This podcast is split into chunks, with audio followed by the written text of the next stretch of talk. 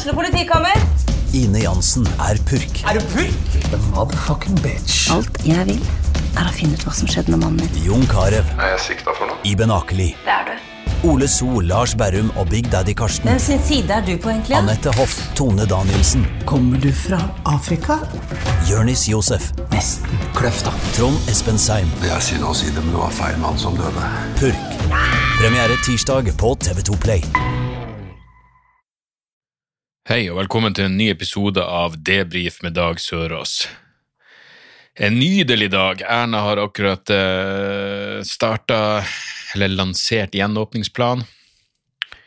Ting åpnes opp på fredag, ikke selvfølgelig der jeg er. Eh, jeg syns de sa at 80% av smitta i, i landet er konsentrert i Oslo og Viken. Så her kan vi vel se lenge etter uh, lenge etter noen form for lys igjen av tunnelen. Men eh, skal det jo også sies at de åpner vel nå for eh, mer eh, si importsmitte. Mer utenlandsk, veldig nødvendig arbeidskraft, billig arbeidskraft. Så vi får nå se hvor lenge denne uh, jævla lykka varer. Uh, og planene for når vi alle kan være ferdig vaksinert, er vel flytta fra, fra juli til oktober, så hvem i faen vet? Jeg vet ikke engang hva som skjer denne uka. Um, jeg skulle etter planen til Ålesund på uh, fredag. Det ble bare flytta av arrangøren, uh, så det er, det er, utsatt til oktober. Og per nå så vet jeg ikke om jeg skal til Stavanger på uh, lørdag. Det er jo to show planlagt på Stavanger, men jeg har ikke peiling. Kommer, jeg regner med vi ja, jeg spiller det her inn på tirsdags kveld, så jeg regner med at vi får uh, vite noe i løpet av onsdagen. Og så får vi bare ta det derifra. Jeg vet, jeg vet da faen hva som skjer. Ingen anelse. Jeg bare venter i spenning på uh, tillatelse til å uh, til å gjøre jobben min. Så får vi nå se. Jeg vet da faen.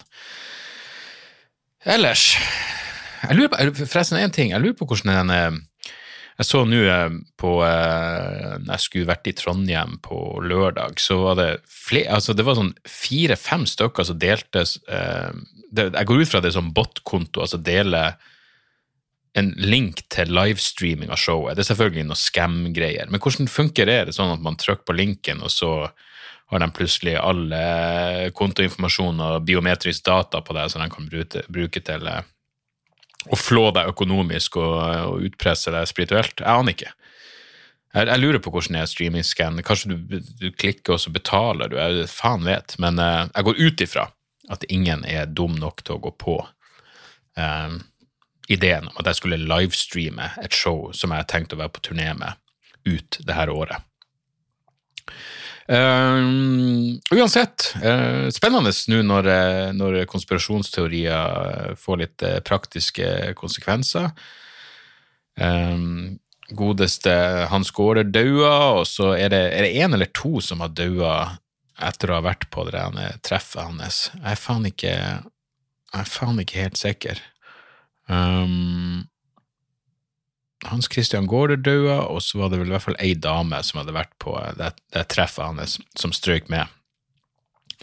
Og Chartersveien er kommet ut av skapet som en, eh, som en eh, dårlig trent jakkesånn, og det, det, er alltid gøy når du klarer å få eh, når du klarer å få det der kjendisvrien på, på det faenskapet. Når, når, når media omsider kan gjøre oppslag om at Chartersveien mener én ting, men Charterhilde er uenig. Da er det faen meg Jeg har faktisk gjort standup med Chartersveien. Jeg vet ikke om jeg har nevnt det noen gang, men eh, når jeg var en relativt fersk komiker, så husker jeg at Janne Rønningen arrangerte et, show oppe på eh, Peoples eh, i Oslo, i andre etasjen der. Og charter-svein var da headliner. Og jeg husker de hadde sånne faen heter det programmet? På TV Norge hadde de, de et sånt eh, helgeprogram De filma vel på fredag, det gikk vel på fredagene. Eh, jeg tror det gikk direkte fra eh, sentralstasjonen en eller annen plass og filma de et sånt show. Og det husker jeg Chartersveien var der og ble, eh, ble intervjua før showet. Og da, han, da, var det vel tre timer til showstart, og han hadde ikke planlagt noe. Han skulle bare ta det så det kom. Chartersveien skulle improvisere litt første gang han gjorde standup. Og eh, det er klart, hvorfor, hvorfor ha noe på papiret når eh, du har så mye i pappen. Tomt papir, full papp. Og eh, det var jo en Jeg vil si rett og slett en, en vederstyggelighet. Hva enn det var slags dritings slempoesi han fremførte, må gudene vite. Men uh, meg bekjent så ble det ikke noe av den videre standup-karrieren hans. Og det er det som er evig fascinerende med standup, at det er en sånn greie som veldig mange tror at de bare kan gjøre fordi de har jo snakka foran mennesker før. Um, og gang på gang så ser man jo at det ikke funker, og Chartersveien var jo absolutt et, eh, et, prakteksempel på, eh, på akkurat det. Men jeg må si, jeg så noen som skrev um, jeg så noen som skrev om, om godeste Hans Christian Gaarder at det er ikke gøy når en covid-fornekter dør av covid.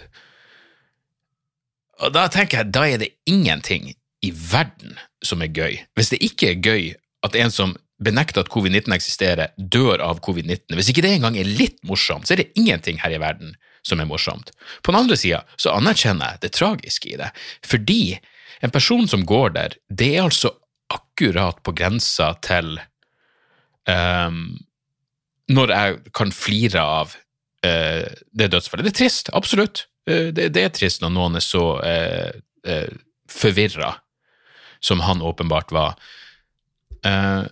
Samtidig så, er det lett å, å, å, å, se det morsomme i det, men det er faen meg på grensa til, som, til å gjøre narr av noen som er bare helt mentalt sjuk. Uh, hvis, hvis, en mentalt sjuk person tror at det, det ikke er farlig å stikke en, en fuckings kjøkkenkniv inn i hjertet sitt, så er det jo ikke noe, noe gøy når den personen dør, selv om han eller hun, trodde at det ikke var farlig. Så, så det er et eller annet med denne gjengen. Og, og når, når, når, du liksom ser kronikker hvor folk er sånn Hva skal vi gjøre med de her menneskene? Hvor har vi gått feil?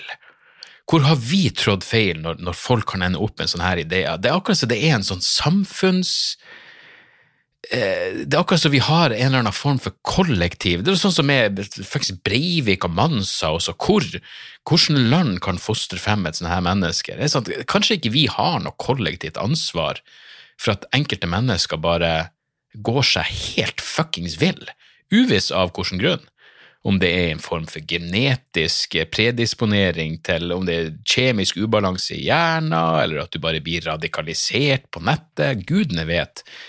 Men den der underforståtte ideen om at vi alle har noe felles skyld for at noen er fucka i hodet, den, eh, den, sliter jeg egentlig med å, eh, å, akseptere og godta og ta inn over meg. Det må jeg bare si. Jeg, jeg føler ikke noe fuckings ansvar for at uh, Chartersveien har fått nok.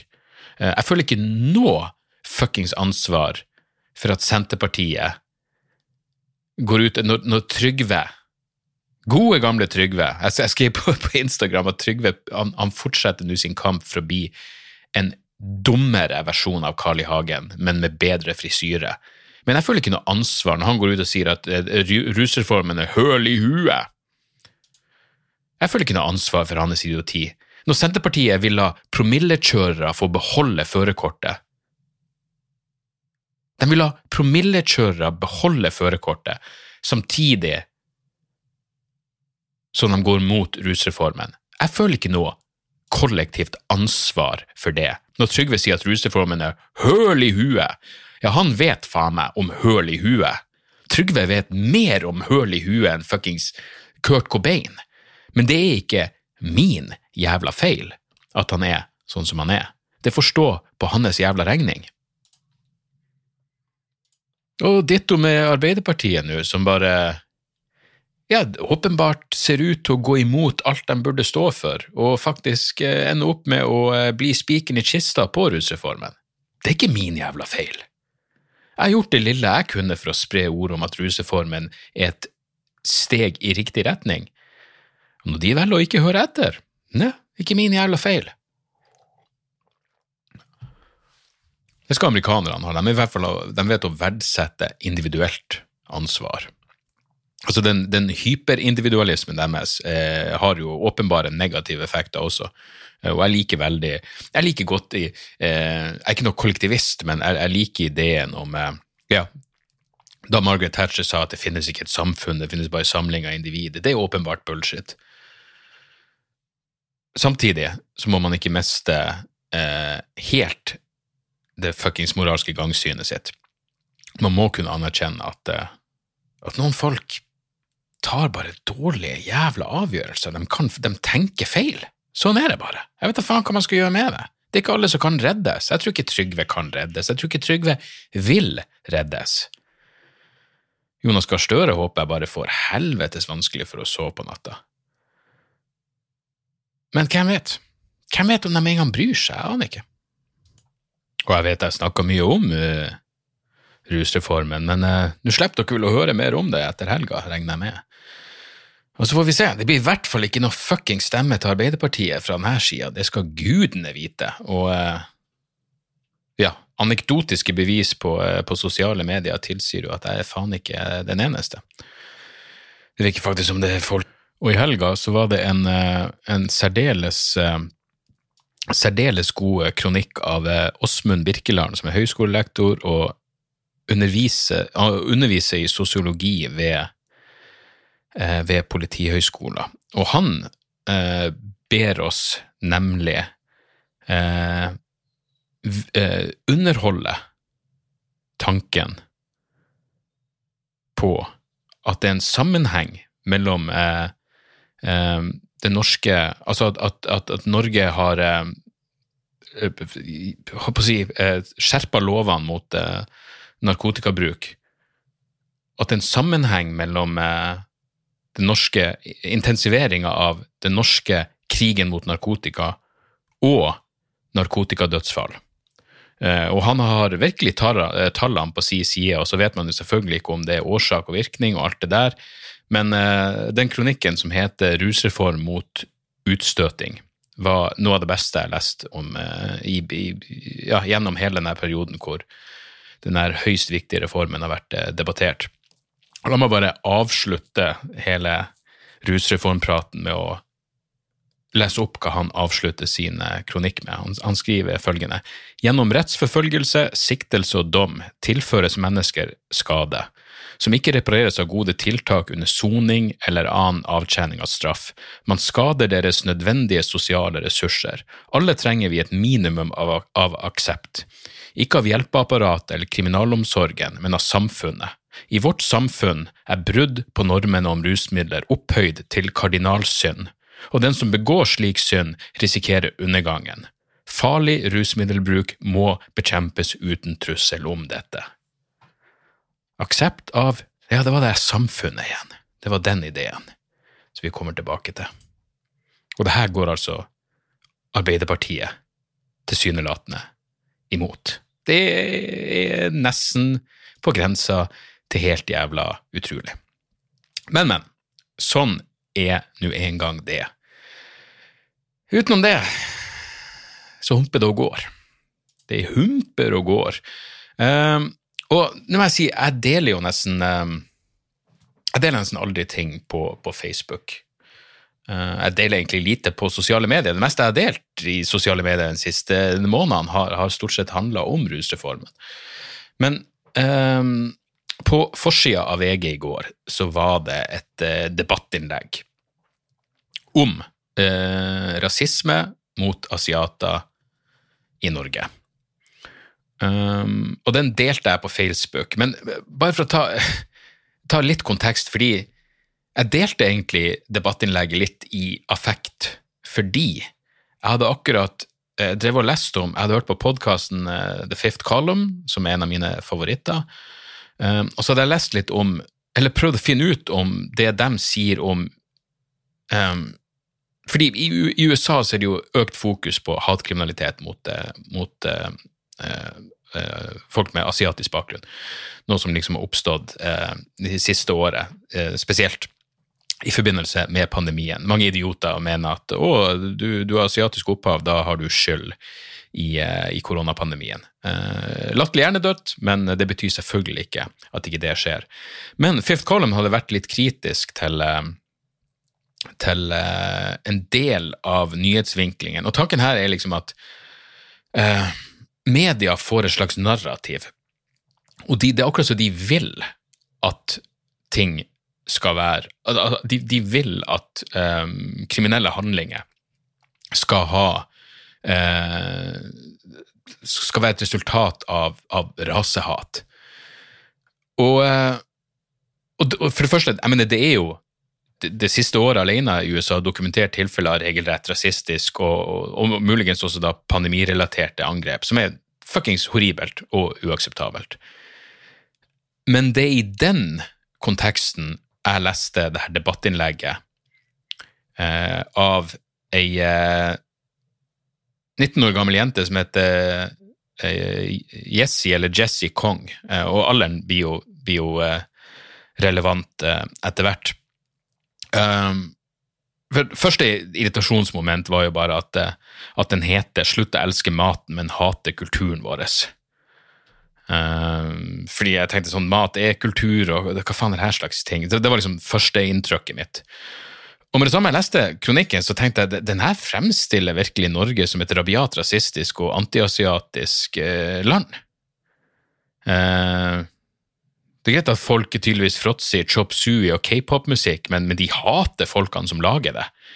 Og det fikk jeg bare sånn intuitivt ikke til å, eh, til å stemme. Det betyr jo selvfølgelig ikke at uh, hun ikke har rett i alt hun sier. Men jeg delte den rett og slett bare, og alt jeg skrev, handler denne kronikken om Norge? Eh, fordi jeg, jeg, jeg, klarte liksom ikke helt å, å, Ja, altså i mitt hode så fikk jeg ikke det her til å stemme. Um, for det første så skriver hun jeg mener, hun, hun, hun har anekdoter om, om uh, egenopplevd rasisme og uh, ting som har skjedd med folk i familien hennes, som er provoserende og deprimerende og helt jævlig. Og liksom å lese at ei ung jente i årevis har ønska at hun var hvit, det er jo helt fucked up. Og er 19 år, da er hun vel født i ja, hva blir det, 2002, og at hun da må hun sier at hun måtte gå på dass for å spise maten sin fordi eh, de andre mente at den lukta stygt. Det, det høres jo det helt sykt ut, og skolen har jo virkelig fucka opp etter denne her. Men så skriver hun det knuser hjertet mitt at min 76 år gamle bestemor ikke tør å gå til butikken fordi naboer og sykepleiere advarer henne om å gå ut alene, etter at det rapporteres tilfeller på at eldre asiater har blitt angrepet på åpen gate. Og Det var den linja som gjorde at jeg tenkte handler det her en gang om Norge? Fordi denne, jeg, fant ut etterpå at denne kronikken har også stått på trykk i Aftenposten. Eh, jeg leste den i VG, men har også stått på trykk i Aftenposten, og der linker de direkte til Altså det Angrepet på åpen gate det er jo snakk om, er jo det angrepet som skjedde i New York, hvor du kunne se fra det overvåkningskameraet at en eller annen galning går løs på ei, på ei eldre dame og slår henne i bakken. og det er Horribelt faenskap. Uh, men jeg tenkte at ja, det var i New York, det var ikke i Norge. Ikke sant? Så, så hele greia forvirra meg.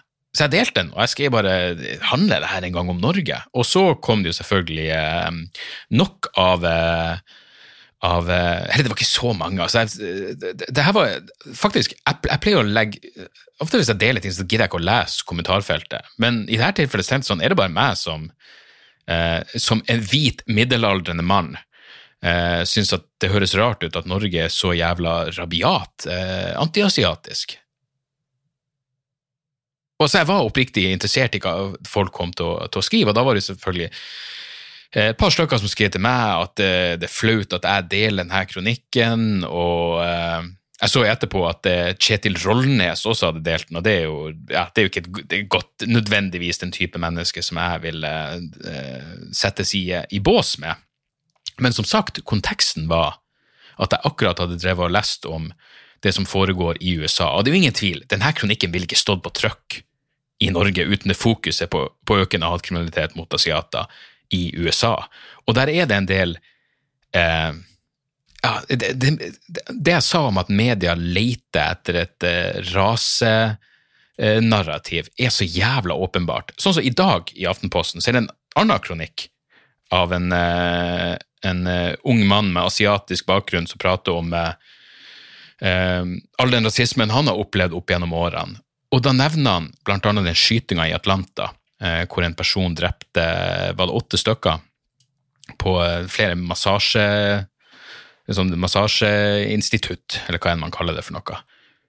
Problemet med det er jo at så vidt jeg vet, så er det ingen bevis for at det var rasehat som var motivet for den skytinga. For det første, skyteren, han, han eh, morderen, myrda et par stykker som ikke var asiater.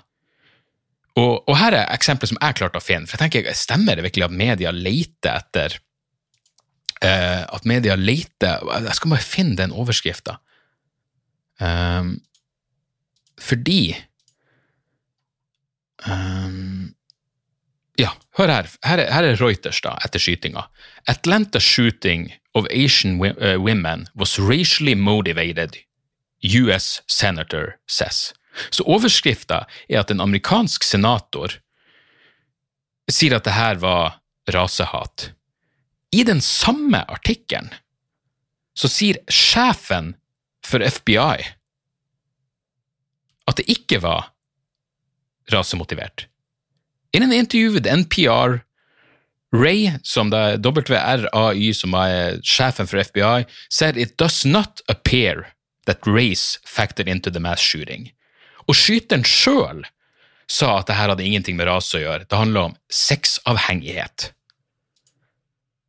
Så hvis du skulle tro at, at sjefen for FBI, som er sjefen for de som etterforsker denne saken, at hans standpunkt veier litt tyngre enn en senator som på bakgrunn av ingenting, ingen spesiell info, sier at det her var racially motivated. Så da tenker jeg jo, at det er jo check one for at media har lyst til å vinkle det her som rasehat. Hvorfor vil de det? Når sjefen for FBI og gjerningsmann sier at det ikke hadde noe med rase å gjøre. Jeg bare sier, de, de kan være verdt å høre på. Vanligvis så hører vi jo på folk når de sier hva deres motiv for et drap er. Det er i hvert fall en faktor i det. I tillegg da, så var det en sak på i uh, San Francisco Chronicle, hvor, hvor uh, Jeg må bare finne overskrifta også. Um, Overskrifta i San Francisco, San Francisco Chronicle er «Victim in alleged anti-Asian attack at San Francisco bar was punched by retired pro boxer, witnesses say. Victim in alleged anti-Asian attack». Da viser det seg at det er en 18 år gammel mann med eh, asiatisk bakgrunn som havna i klammeri med ei vakt på en bar. Hvor, hvor eh, eh, vakta blant annet har sagt at eh, eh, at han hørte, ikke, han hørte ikke hjemme her. Og det høres jo horribelt ut. Skal du kaste noen ut? Skal du slå noen ned fordi de ikke hører hjemme i baren? Vel, problemet er jo at denne mannen var 18 år gammel, og barn har ei aldersgrense på 21 år. Du kan jo miste skjenkebevilgninga hvis du har en 18-åring der inne. Så derfor sa han du hører ikke hjemme her. Igjen, hvem vet? Jeg vet ikke hva som skjedde. Men det er det, det, det er tydelig at ting er veldig uklart. Allikevel så velger San Francisco Chronicle å vinkle det som alleged anti-Asian attack. Um, så det her er liksom bakteppet, når jeg da leser uh, den, uh, det debattinnlegget i, uh, i VG. Og igjen, altså, jeg vil ikke det, det, det, var, det var faktisk sånn at jeg bare tenkte med det samme. Og igjen, når du deler noe på Facebook, det andre begynner å kommentere, det har ikke jeg noe fuckings kontroll over. Ikke sant? Da, men samtidig så, så tenkte jeg plutselig at Og det var en som skrev, eh, en eh, kar som eh, hadde en masse lange innlegg hvor han argumenterte mot meg, og, og argumenterte godt. Men så skrev han jeg håper å prate om det her på debrief, fordi det her setter jeg i et dårlig lys. Og, og da tenker jeg ja, men da kan ikke jeg slette den jævla jeg kan ikke slette innlegget nå, for nå er det en lang jævla Og folk driver og debatterer seg imellom, det har ingenting med meg å gjøre lenger. Men, eh, men jeg angra virkelig bare. Jeg bare tenkte, det, det, Du bare får en sånn dårlig, uggen jævla eh, følelse i magen. Men det, det, var gått for langt til at jeg følte at jeg kunne slette det. Det ville vi ikke ha faked. Og så var det to stykker det her er interessant, det var to stykker som skrev at eh, um, Dag for 15 år siden De, de fant det ut hver for seg, tydeligvis. Han ene skrev eh, dag for 15 år siden, og han andre skrev dag i 2008. Jeg vet da faen hva jeg gjorde for nøyaktig i 2008 som tilsier at, eh, at jeg var så jævla annerledes enn nå, men, men eh, Dag for 15 år siden ville hata Dag den dag i dag. Og det var en fyr som skrev at jeg, eh, eh, jeg var en dildo. Ja, det høres ut som noe jeg ville sagt. Og, og, så, og så var det en som skrev Hvem hadde trodd at du kom til å bli en sånn eh, navlebeskuende, typisk navlebeskuende hvit gubbe? Og det er sånn, ja nei, det er klart, hadde jeg i 2008 visst at jeg ville fortsatt være hvit 15 år senere, så hadde jeg jo blitt, blitt dypt deprimert. Men problemet mitt med denne typen debattinnlegg er jo ikke hennes eh, hennes eh, forferdelige livserfaringer, det er at jeg syns fortsatt at den har en anklagende og generaliserende tone som provoserer meg. Jeg mener, tydeligvis når jeg leste den, jeg leste den to ganger til i ettertid og ikke tenkte det samme, men akkurat der så, så, følte jeg at det var som ja, Det var en del av meg som tenkte sånn Snakker du til meg på denne måten? Det her stemmer jo ikke i det hele tatt. Men det her kan jo bare være min aversjon mot måten en del unge mennesker angriper samfunnsproblem på. Jeg mener, jeg, jeg, var, jeg gjorde sikkert akkurat det samme sjøl. Jeg hadde sikkert akkurat den samme um, den, den samme tonen sjøl. Men jeg tror at det kanskje, muligens, er litt potensielt destruktiv med denne typen debattinnlegg. Fordi du begynner bare ende, du ender jo opp med å tenke sånn fuck, jeg hater alle rundt meg asiater. Jeg, jeg, jeg, den eneste personen jeg vet om som en gang har uttrykt noe negativt overfor en asiat, er en asiatisk kompis som bare er full av selvhat. Utenom det så har jeg, jeg har aldri vært borti det, og det betyr selvfølgelig ikke at det ikke skjer men jeg tror fortsatt denne, det her debattinnlegget um, gir et inntrykk av at problemet er større enn det er.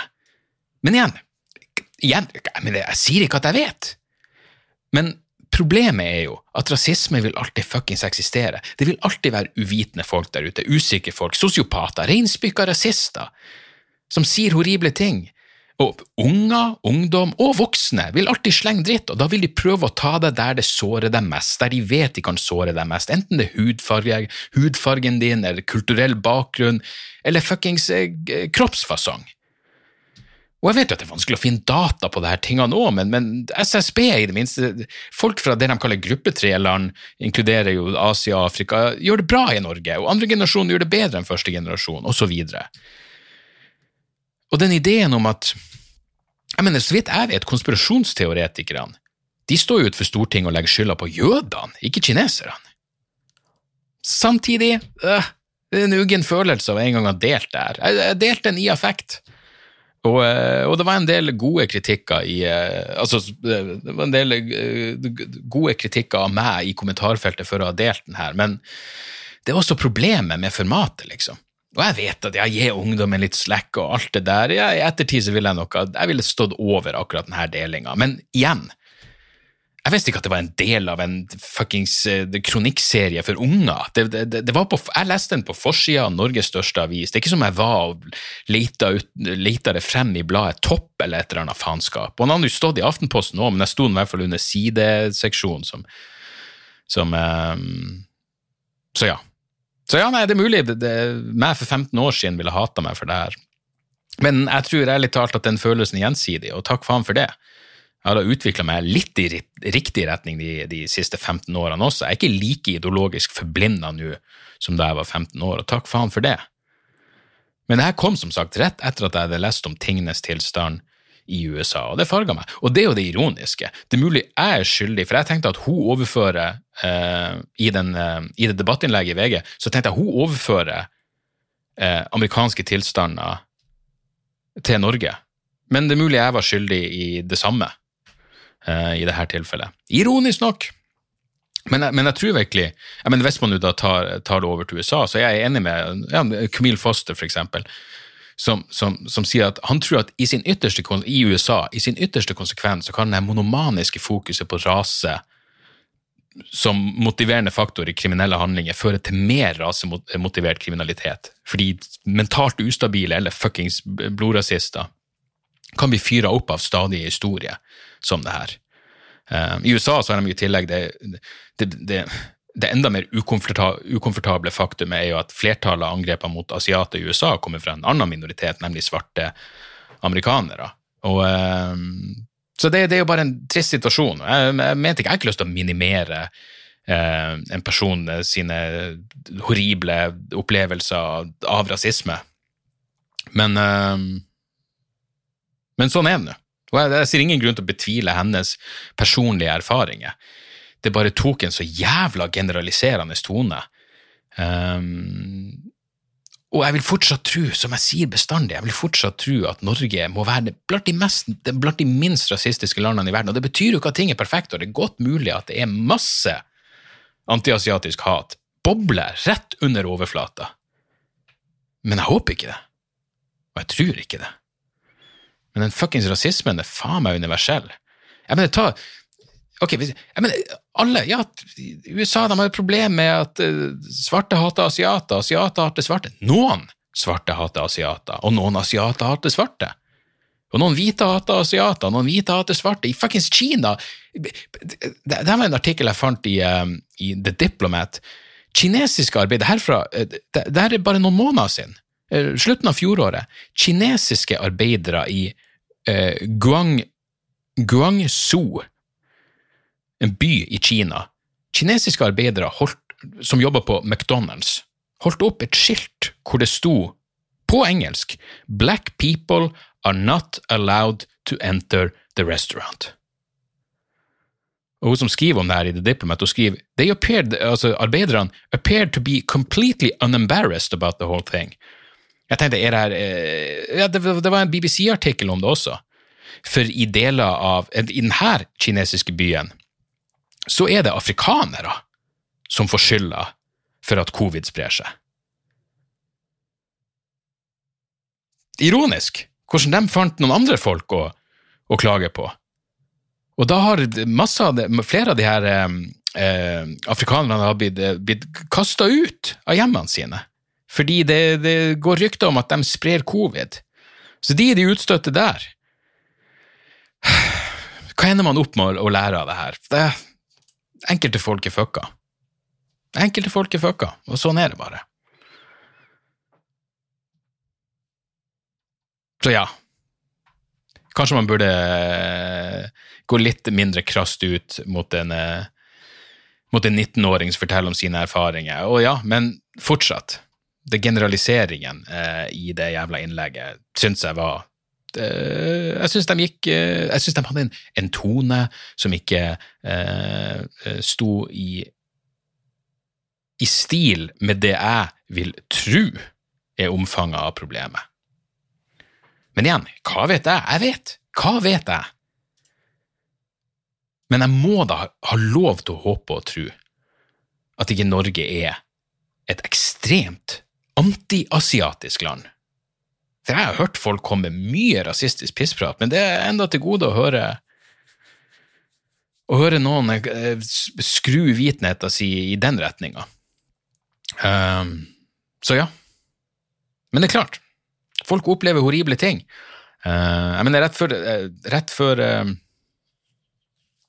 ja, rett før jul, jeg, ikke, jeg husker ikke om jeg nevnte det her, men da vi har, har liksom en nylig inngifta i familien som er fra Filippinene.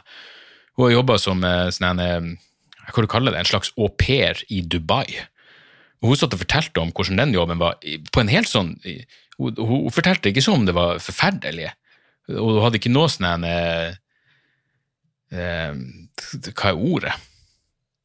Hun fortalte det ikke på en eh, Som om hun hadde vært igjennom noe horribelt. Hun bare fortalte hvordan det var å essensielt være en fucking slave. Hun fikk ikke lov til å se eh, vertsfamilien i øynene når hun jobba for dem. Hun så ikke ut som hun tok det så hardt. Så, så tynnhuda er ikke et begrep jeg vil bruke om henne. Uansett, jeg vet ikke om det der går noe, noe form for fuckings mening, men lærdommen er vel bare eh, ikke, ikke, ikke prøv å gå inn i en debatt på sosiale medier. Eh, Det, det, det går, I hvert fall ikke hvis det tar mer enn 140 tegn og, og, få frem hva du mente, og du ærlig talt er litt usikker på hva du egentlig mente for noe. Eh, men, eh, men sånn er det nå en gang. Så der, der Vi kan jo avslutte det med ei gladhistorie. Bare for å ta tilbake til, til rusreformen. Noen sendte meg en mail um, og skrev at um, om du velger å ta det her opp i podkasten, så vil jeg helst være anonym. Og så skriver han uh, bla, bla, bla. du, her, skriver, Jeg er i dag 28 år og jobber som ingeniør i et uh, stort teknologiselskap, selv om jeg røyka cannabis av og på i ca. åtte år. Det skulle ikke vært være mulig, ifølge enkelte. Da jeg var 18 år gammel, fikk jeg to uniformerte politimenn på døra mi. Jeg bodde hjemme hos min mor, og vi begge ble mildt sagt sjokkert. Politimennene kunne fortelle meg at politijuristen ved Rana politistasjon hadde tatt ut siktelse mot meg for bruk av narkotika. Politiet hadde også ransakingsordre i vårt hjem, og tok seg et lite razzia før jeg fikk beskjed om å bli med på stasjonen. Du skal få slippe håndjern, men vi må ha mobiltelefon og datamaskinen din med på stasjonen, sa de. Jeg ble kjørt på stasjonen for en grundig kroppsvisitasjon, dvs. Si tafsing på både kukk og i rass, hvor politiet fant et plekter i den ene lomma mi og kom med det tåpeligste utsagnet jeg noen gang har hørt, du burde heller holde deg til gitaren enn å drive og røyke hasj. Jeg ble satt på glattcelle med en urinkopp og skulle bare gi beskjed når jeg var ferdig. Under avhøret kunne de fortelle meg at de hadde gått gjennom alle meldingene mine på Facebook og SMS, og de visste at jeg røykte. De kom med alle de klassiske påstandene om at folk som røyker kan ikke ha sertifikat, prøver du hasj er det lett å begynne med heroin osv. Urinprøven var negativ, så saken ble henlagt. Det viste seg at grunnlaget for siktelsen var en chat med en fyr som besto av to meldinger. Si fra om du vil ha noe, og jepp. Reaksjonen fra politiet skulle heller tilsi at jeg hadde bedrevet grov legemsbeskadigelse. Selvfølgelig sluttet jeg ikke å røyke etter denne saken. Jeg satt bare igjen med en enorm forakt for politiet, som fortsatt sitter, der, sitter igjen den dag i dag selv om jeg ikke røyker lenger eh, som fortsatt sitter igjen den dag i dag, selv om jeg ikke røyker lenger. Aldri har jeg følt meg så fysisk og psykisk krenka. Dette er jo et høyst anekdotisk bevis men jeg har null tiltro til politiets håndtering av russaker. Jeg trenger kanskje ikke overtale deg i denne saken, men tenkte kanskje dette kunne fyre litt opp under det allerede brennende hatet ditt mot den norske ruspolitikken. Og så skriver han å, jeg glemte å nevne en litt morsom ting. Politimannen som eh, kroppsvisiterte meg, ble i fjor arrestert og suspendert da det viste seg at han hadde forgrepet seg på minst to jenter fra et noe belasta miljø. Det var jo nesten litt morsomt oppi det hele. Ja. Den typen sak hvor den, the comic relief er at purken viste seg å være en fuckings voldtektsmann. Men der har dere det, folkens. Noen blir utsatt for eh, horribel rasisme. Noen blir utsatt for eh, fysisk og psykisk krenkelse, ulovlig, vel å merke, fra lovens lange arm.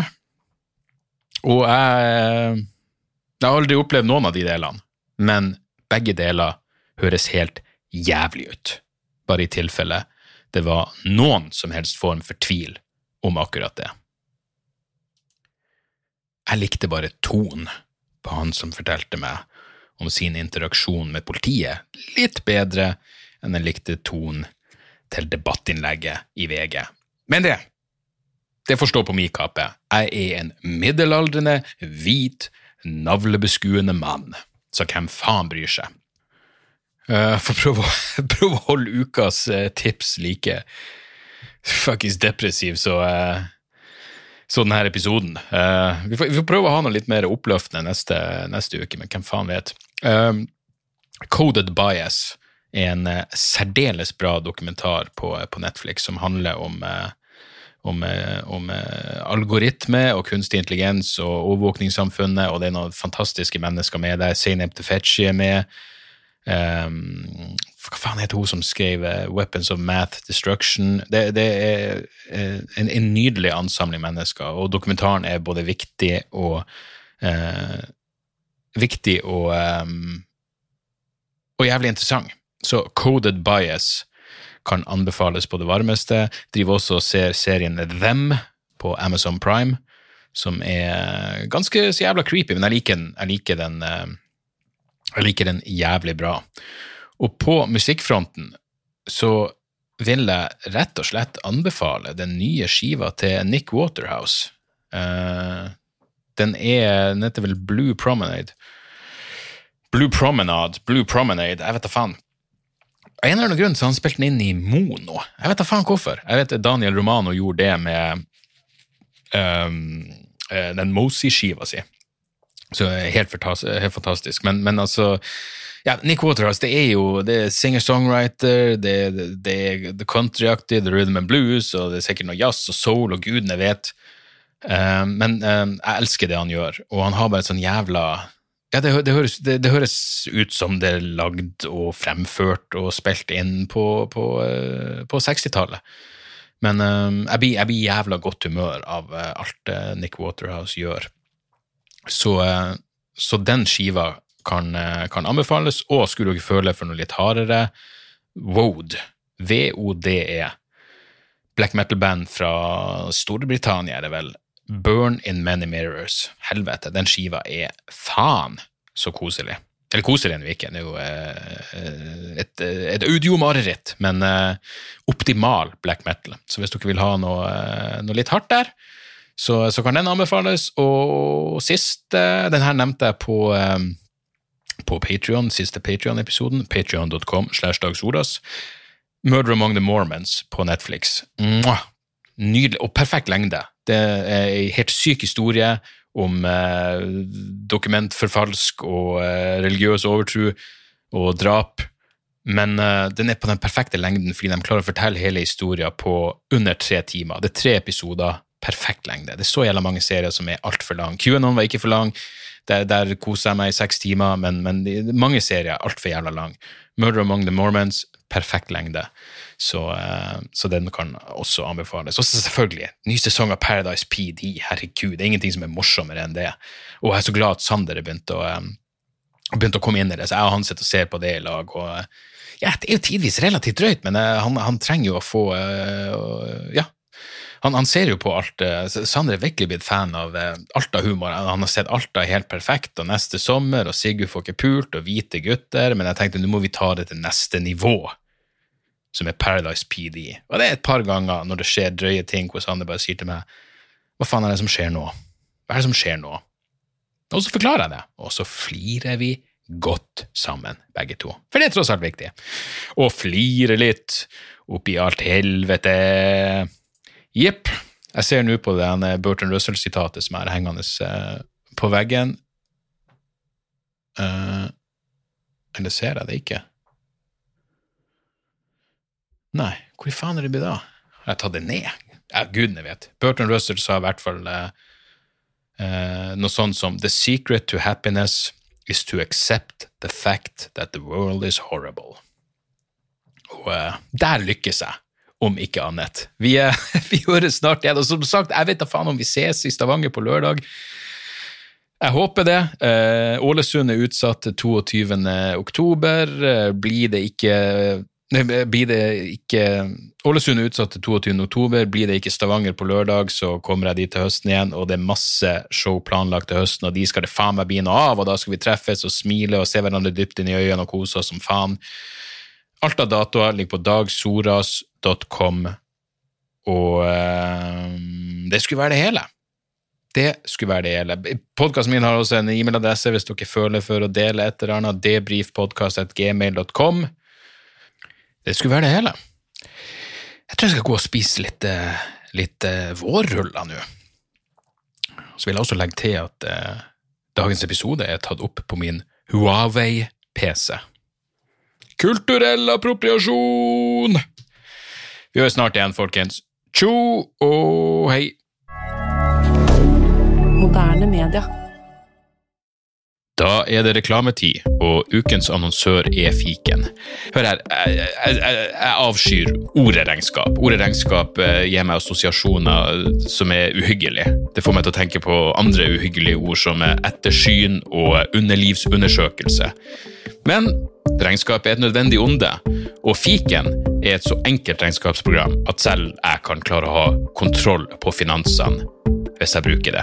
Eh, du kan registrere kjøpene dine bare med å ta et bilde av kvitteringa med appen, og så kan du bare hive, hive kvitteringen. Hvor nydelig kan det bli?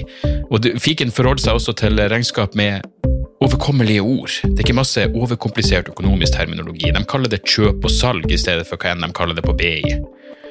Og du kan, eh, du kan få fiken til å sende purringen dine, sånn at du slipper å gjøre det sjøl. Slipper du de flaue øyeblikkene hvor du må skrive 'unnskyld meg, men det står noe utestående her, kan du fikse det fortest mulig', må jeg sende, må sende mafiaen etter deg? Nei, fiken fikser det så kan du skylde på algoritmene. Du slipper dårlig stemning. Jeg syns det er utrolig greit å slippe å styre med sånne ting sjøl, og nå kan du prøve fiken gratis i 30 dager. Hva, hva har du å tape? Bokstavelig talt ingen verdens ting. Så gå inn på fiken.no og prøv fiken gratis i 30 dager. Ok? Det var det så vanskelig.